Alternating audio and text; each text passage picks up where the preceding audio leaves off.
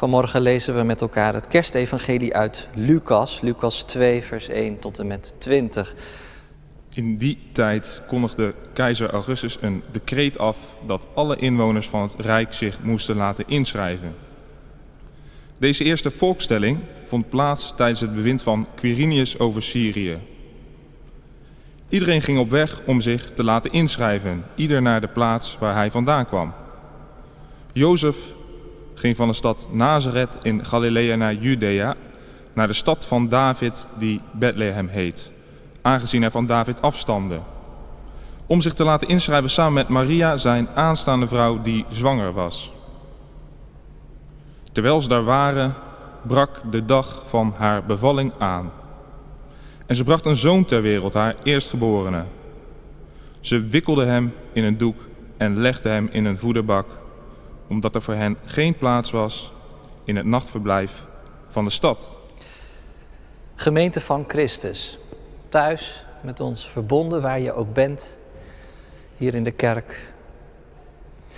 Ruim twee maanden geleden strandde er in Spijkenisse een metro op een walvisstaart.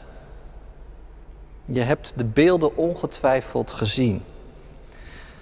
Die metro was bij de eindhalte door een betonnen stootblok geknald.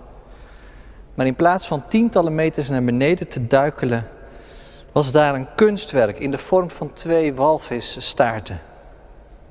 En kwam de chauffeur van het, of de machinist van het treinstel met de schrik vrij. Een wonder? Nou ja, misschien wel, toch? Hoewel niet iedereen het zo zal zien. Afgelopen maandag las ik een prachtig essay in NRC Next van Arjan van Velen. En hij beschrijft van deze gebeurtenis minutieus hoe een keten van toevalligheden tot de redding van dat ene mensenleven had geleid. Is dat nou allemaal stom toeval? Vraagt Van Velen zich af. Hij zegt eerlijk, ik heb altijd gedacht dat wonderen niet bestaan. Want een wonder is iets dat niet kan. Dus dan kan het niet. Maar aan de andere kant zouden we ze nog wel herkennen, wonderen. Zelfs als ze zich recht voor onze neus zouden openbaren. Of, zegt Van Velen, zijn we daar inmiddels te dicht getimmerd voor, te rationeel. Nou ja, ik denk dat dat wel belangrijke vragen zijn voor onze tijd en helemaal voor deze dag, eerste kerstdag. Geloven wij eigenlijk nog in wonderen? Anders gezegd, geloven wij in een God, de God van de sterren, die ingrijpen kan in onze werkelijkheid? En geloven we dat Hij dat deed toen Zijn zoon mens werd en onder ons kwam wonen? En dat Hij dat nog steeds doet door mensen aan dat kind, aan die Christus te verbinden. Zodat het zelfs als het donker en duister in je leven is, er toch een vreugde binnen kan komen.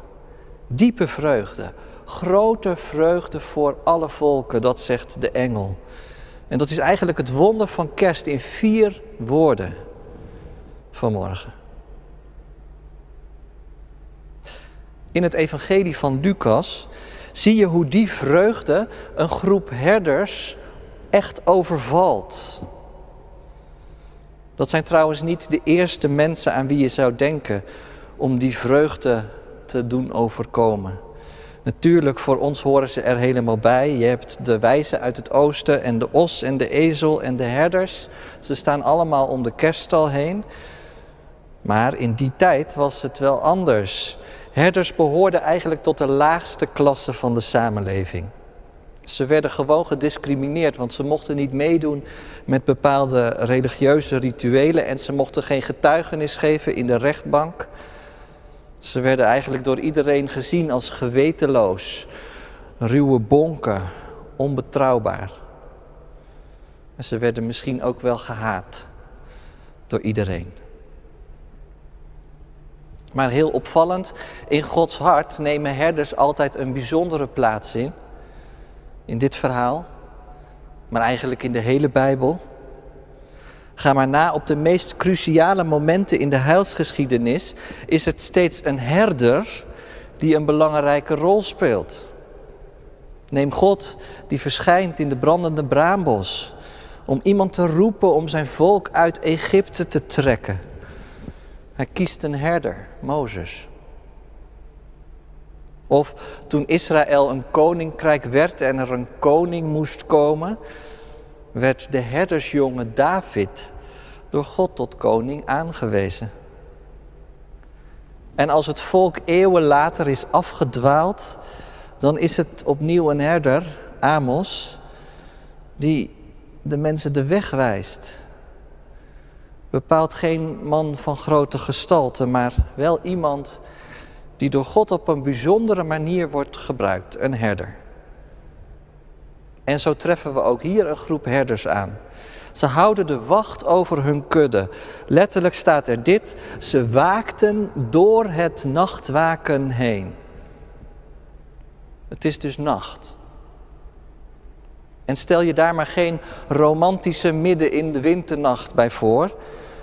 Als Lucas het woord nacht gebruikt, dan wil hij meer zeggen dan dat het zomaar een nacht in december is.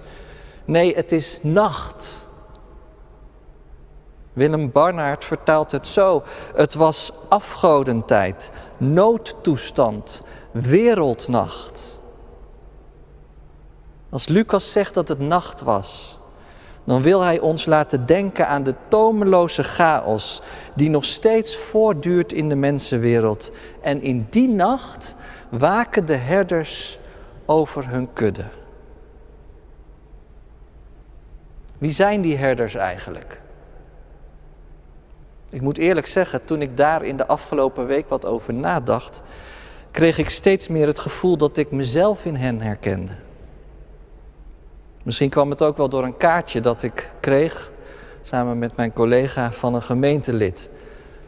Daar stond dit op: sta je als herder in het veld, klaar voor kerst, moet je hele kudde online en mag het engelenkoor slechts een kleine afvaardiging sturen. De herders. Ik denk dat we onszelf er allemaal wel in herkennen, toch?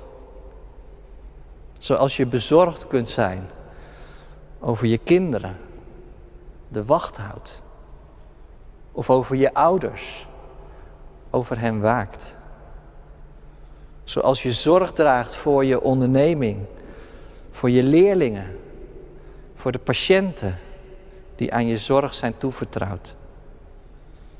Zoals we ons verantwoordelijk voelen voor een kudde, in welke vorm dan ook. En die nacht, die herkennen we toch ook wel.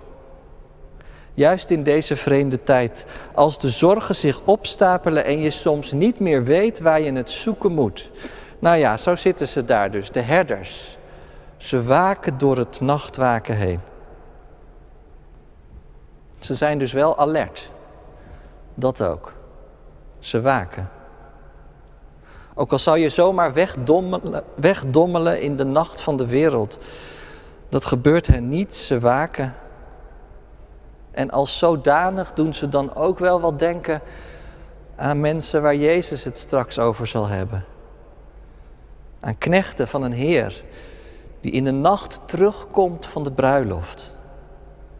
En Jezus zegt dan, gelukkig zijn de knechten die de Heer bij zijn komst wakend aantreft. Nou ja, dat is zo'n beetje wat de herders overkomt. Want ineens is daar dat wonder. Ineens is God zelf om hen heen. De glorie van God is voor hen en achter hen en boven hen en onder hen. Als een soort koepel van licht. Gods heiligheid. Dat is niet zomaar even een TL-buis of een bouwlamp die aangaat. Nee, in deze glorie komen alle eigenschappen van God bij elkaar. Zijn heerlijkheid en zijn goedheid en zijn waarheid en zijn gerechtigheid. Dat is een realiteit die je doet duizelen. Daar kun je je helemaal niets bij voorstellen. En het is trouwens ook een realiteit waar je voor moet oppassen. Voor de heiligheid van God. Want zeg nou zelf, wij zijn maar mensen, herders. Die hemelse glorie kan ons zomaar verteren. Hoe groot mijn ego ook is. In het stralende licht van de Heer stel ik niets voor. En daarom is het meer dan begrijpelijk dat de herders bang worden. Ze werden bevreesd met megavrees, staat er letterlijk. Precies daarom, omdat het licht van Gods heiligheid hun eigen beperktheid en weerbaarheid blootlegt. We zeggen altijd tegen elkaar dat het met kerst licht wordt in de wereld en dat is ook zo. Maar laten we het niet te snel te lief maken. De herders worden bang van dat licht. En tegelijkertijd maakt hen dat nu klaar voor het wonder van kerst. Dat hier in de velden van Bethlehem iets doorbreekt van het bevrijdende handelen van diezelfde God. Zijn heerlijkheid slaat niet als een bliksemstraal op aarde neer, nee. Het licht van God omstraalt de herders.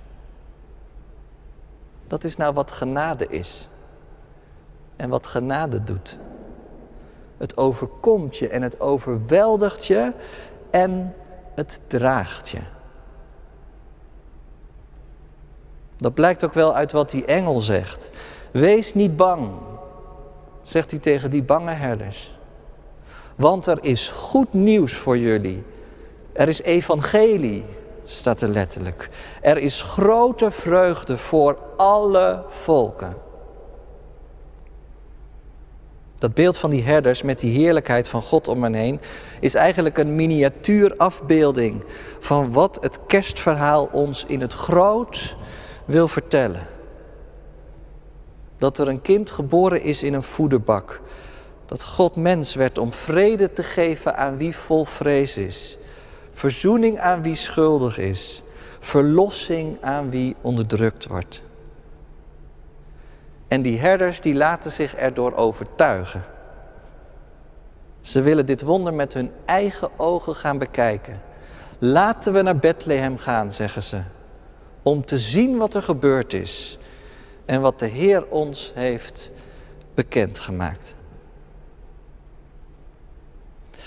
Dat is wel opmerkelijk trouwens, dat de herders op weg gaan. Heel belangrijk ook. Ze zijn onder de indruk van het licht, zeker. Maar ze hebben er niet genoeg aan.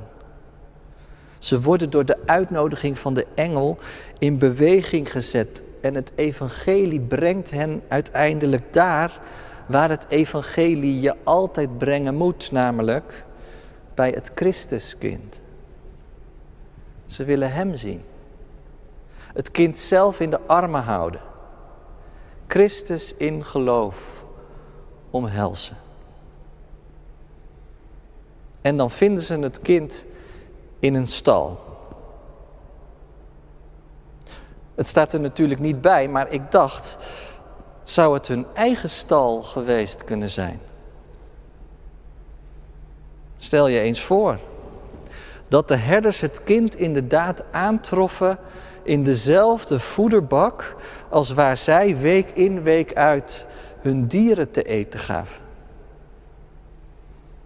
Misschien denk je nou dat zou wel stom toeval geweest zijn. Maar aan de andere kant is dat niet ook precies wat het verhaal ten diepste wil vertellen? Dat God niet alleen naar de wereld komt, maar dat hij daarmee ook naar jou komt en naar mij. Naar de plekken die we zo goed kennen, naar ons eigen werkterrein. En dat hij daar dan komt in de gestalte van een zuigeling die in de armen genomen wil worden. God bukt laag las ik ergens. Hij wil zelfs in ons bestaan geboren worden. In onze werkkamer of aan onze keukentafel. Is dat niet het wonder van kerst dat God binnenkomt in ons kleine leven? Om nieuwe glans te leggen over de dingen die heel normaal geworden zijn. Volgens mij zijn we daarmee heel dicht bij de essentie van het kerstverhaal. Dat Jezus vandaag en elke dag in ons hart geboren wordt. En dat wij daardoor zelf opnieuw geboren worden. Dat kind in een voederbak, dat is een plek zo dichtbij. Dat kind doet iets met mijn eigen identiteit. Overwint misschien wel mijn angst of het maakt me eenvoudig. Kom er in ieder geval achter dat dat kind de macht heeft om mij tot een kind van God te maken. Want dat wil ook gezegd worden vanochtend, dat dat kerstverhaal niet op zichzelf staat. Het grijpt als het ware vooruit op wat er allemaal nog gebeuren gaat. Jezus die rondwandelt op de aarde, die lijden gaat en die sterft op Golgotha en die opstaat uit de dood om daarmee een nieuw godsrijk te openen voor wie in hem gelooft. Het kerstverhaal dat ook vooruitgrijpt op wat Paulus en Johannes straks allemaal zullen gaan uitpakken. Dat er in het contact met die Christus als vanzelf christenen geboren worden. Allemaal verschillende mensen met allemaal hun eigen komaf en levensverhaal. Maar de verbinding aan Christus verbindt hen ook aan elkaar. Dat is volgens mij ook veel betekenend. In de tijd waarin we leven, vol polarisatie en afstand. Zouden we elkaar kunnen herkennen in dat kind? En dat raakt tenslotte ook aan hoe je jezelf ziet. Daar gaat het ook over met kerst. Laten we eerlijk zijn. Je kunt geweldig worstelen met wie je bent. Mensen zijn ook zo verschillend. Magiërs uit het oosten, herders in de velden, inwoners van Bethlehem. Je kunt je identiteit funderen in waar je vandaan komt, of in je diploma's, of in je bezit, of in je sores, of in je sceptisch, of in je weerstand, noem maar op. Maar kerst nodigt je uit om naar dat kind te kijken. En te zeggen wat betekent dat kind voor wie ik ben. Dat hij redder is. Redder voor alle volken. En dat ik me daarom ook gered mag weten, verlost van alles wat me bezighoudt. kan zijn dat je worstelt met wie je nou werkelijk bent. Zou het helpen als je door dat kind verlost wordt van allerlei gedachten die ervoor zorgen dat je die worsteling maar niet te boven komt?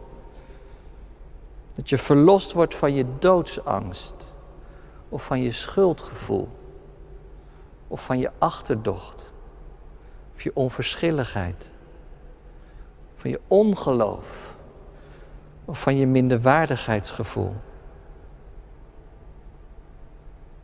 Weet je, als God vandaag een verlosser aan de wereld presenteert en die verlosser zich zomaar midden in jouw bestaan laat zien, dan word je uitgenodigd om die verlossing echt serieus te nemen. Durf je dat kind in je armen te nemen? Durf je het wonder van Gods genade te aanvaarden en eruit te leven?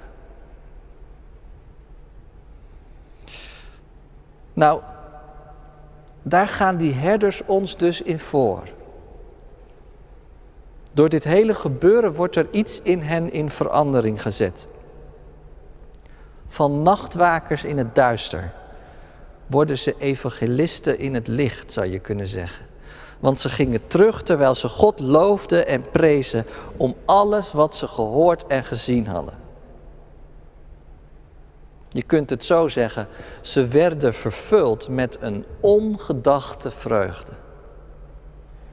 Letterlijk staat er mega vreugde. Als een soort spiegelbeeld tegen die mega angst van zojuist. Vreugde, want kerst is feest. Ook vandaag. Zelfs als je het maar met een handjevol mensen mag vieren, vult de vreugde van kerst je hart als je het kind omarmt. Als je oog krijgt voor het wonder van kerst. Want die vraag uit het begin, die stel ik maar gewoon nog eens. Geloven wij eigenlijk nog in wonderen? En vandaag heel specifiek.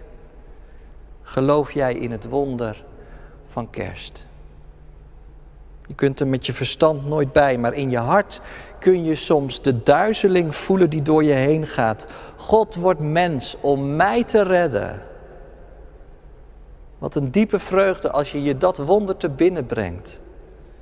De diepe vreugde van een leven met dit kind. Ik wens je een wonderlijk kerstfeest toe. Amen.